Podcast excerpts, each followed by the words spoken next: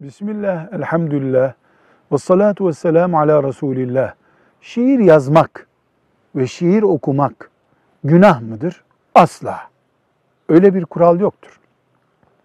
Şiirle şeytana yaklaşmak, şiir yazarak, şiir okuyarak günaha girecek işler yapmak günahtır, haramdır, müminden uzaktır. Şiirin kendisinde bir sorun yok.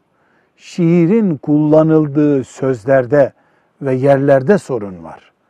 Şiir çok güzel olabilir ama bir bayan onu toplumun önünde şarkı olarak okur, vücudunu teşhir eder, Allah'ın en büyük haramlarından birisi ortaya çıkar. Buradaki sorun şiirde değildir.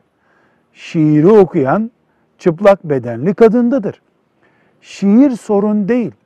Şiirle kadere itiraz etmek, haramı teşvik etmek, cinselliği kışkırtmak sakıncalıdır.